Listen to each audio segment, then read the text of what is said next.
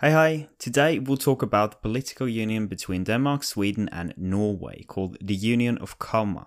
Before we do that, you can support the podcast on Patreon. The transcript for the episode is available at the website for the podcast. See the description for more information. Now, let's take a deeper look into the Karma Union. Kalmar Union. Kalmarunionen. Kalmarunionen ble inngått i seinmiddelalderen. Det var en politisk forening mellom Danmark, Norge og Sverige som varte formelt fra 1397 til 1521. Dette var en periode i europeisk historie der det var vanlig å inngå unioner. Mange unioner i Europa ble inngått i denne perioden. For eksempel inngikk Castilla og Aragon i Spania en union i 1479, og Polen og Litauen gikk inn i en union med hverandre i 1569. Vi bør forstå Kalmarunionen i lys av dette. Margrete den første, dronningen av Danmark, var hovedpersonen bak Kalmarunionen. Hun var gift med kongen av Norge, Håkon den sjette Magnusson. Da Håkon døde i 1380, blei sønnen til Håkon og Margrethe utropt til konge i Norge. Problemet var bare at han ikke var gammel nok til å være konge ennå. Det gjorde at Margrethe herska i Norge til sønnen blei gammel nok. Men så døde sønnen også, og Margrethe hadde ingen mannlige slektninger. Likevel klarte Margrethe å fortsette å styre i Norge og i Danmark. Hun utnevnte søsterdattersønnen sin Eirik til tronarving. Eirik var altså sønnen til datteren til søsteren til Margrethe. Det viser litt hvor komplisert det er. I tillegg var Danmark og Norge i krig mot Sverige. Krigen varte helt til 1396. I 1396 ble Eirik hylla til konge av Sverige. Eirik skulle altså bli konge i Danmark, Sverige og Norge, og slik samle Skandinavia. I tillegg til disse tre rikene var også Finland en del av Sverige på denne tida. Store deler av Norden ble altså samla ved Kalmarunionen. Selv om det var Eirik som blei krona som konge, så var det dronning Margrethe som var hovedarkitekten bak unionen. Det var hun som var hovedpersonen i samlingen av Skandinavia. I 1397 blei Kalmarunionen offisielt inngått. Selv om unionen offisielt varte helt til 1523, så var det flere problemer før det. Da Margrethe døde i 1412, måtte Eirik klare seg helt alene. Eirik opplevde flere problemer med unionen. Sverige var reelt utenfor unionen i lange perioder etter 1434. Kalmarunionen blei oppløst i 1523, da Sverige endelig gikk ut av unionen og krona sin egen konge. Norge skulle derimot fortsette sammen med Danmark. Kalmarunionen var altså en slags begynnelse av unionen mellom Danmark og Norge. A quick summary in English. The Kalmar Union was created in the late Middle Ages as a political union between Denmark, Norway, and Sweden that lasted from 1397 to 1521. This happened in a European context of royal intermarriage and the creation of unions. For example, Castile and Aragon entered into a union in 1479.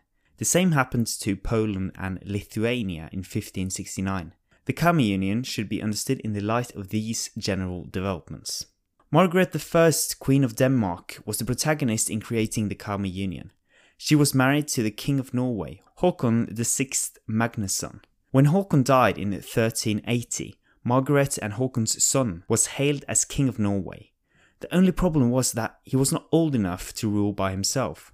Hence, Margaret was in charge until her son would grow up.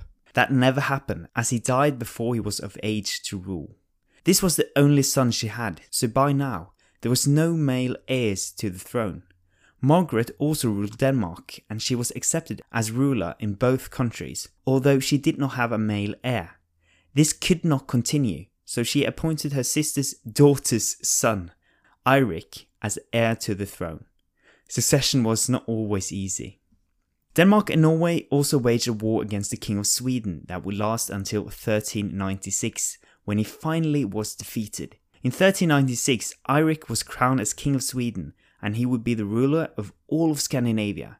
In fact, large parts of Finland was also included in the union, as they belonged to the Kingdom of Sweden. Furthermore, Norway added its islands to the union, such as Iceland, the Faroese Islands, and Greenland. The Kalmar Union would therefore encompass large parts of the Nordic countries. The Kalmar Union was officially created in 1397. Although the union officially would last until 1523, several problems arose before that. When Margaret died in 1412, Eirik had to manage all alone. He experienced several problems, and Sweden would, in practice, be outside the Union for protracted periods of time after 1434. The Union was dissolved in 1523 when Sweden, once and for all, left it and crowned their own king.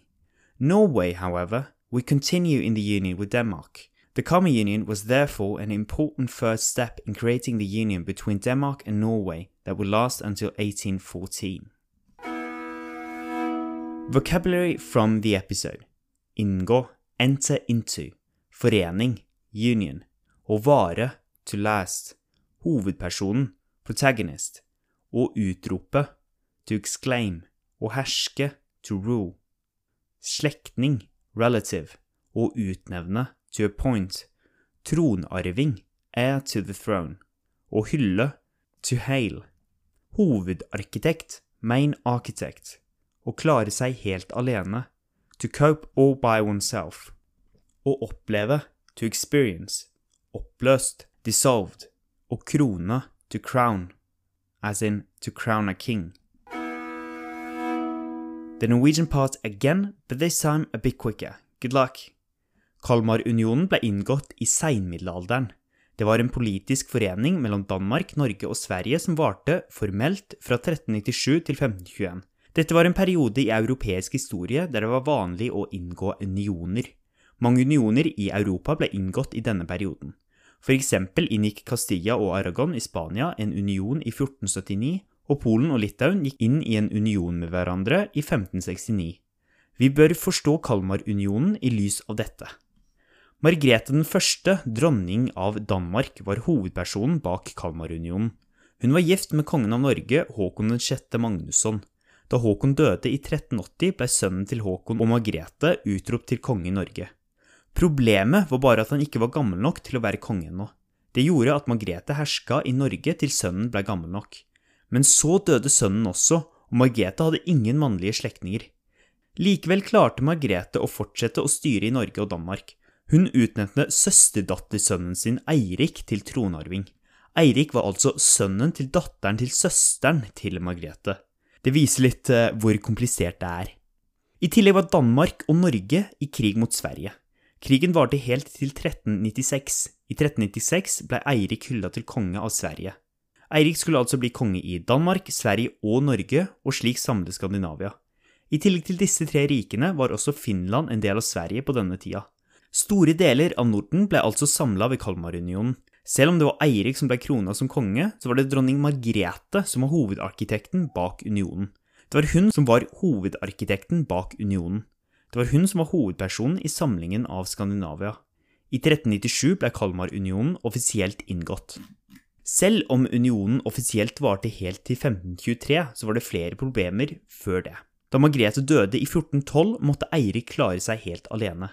Eirik opplevde flere problemer med unionen.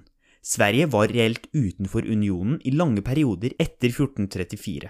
Kalmarunionen ble oppløst i 1523, da Sverige endelig gikk ut av unionen og krona sin egen konge. Norge skulle derimot fortsette sammen med Danmark. Kalmarunionen var altså en slags begynnelse av unionen mellom Danmark og Norge.